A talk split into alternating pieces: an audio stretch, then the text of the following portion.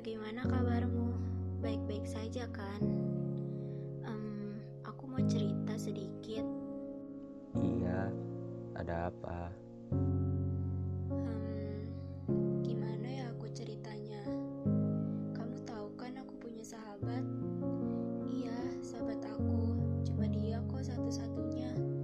Dia yang selalu dengerin curhatan-curhatan aku, yang selalu bisa jadi pendengar baik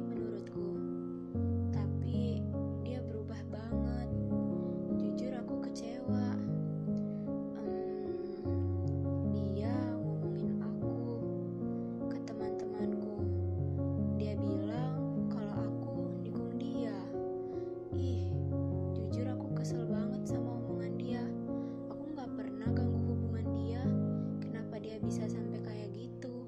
Aku salah apa?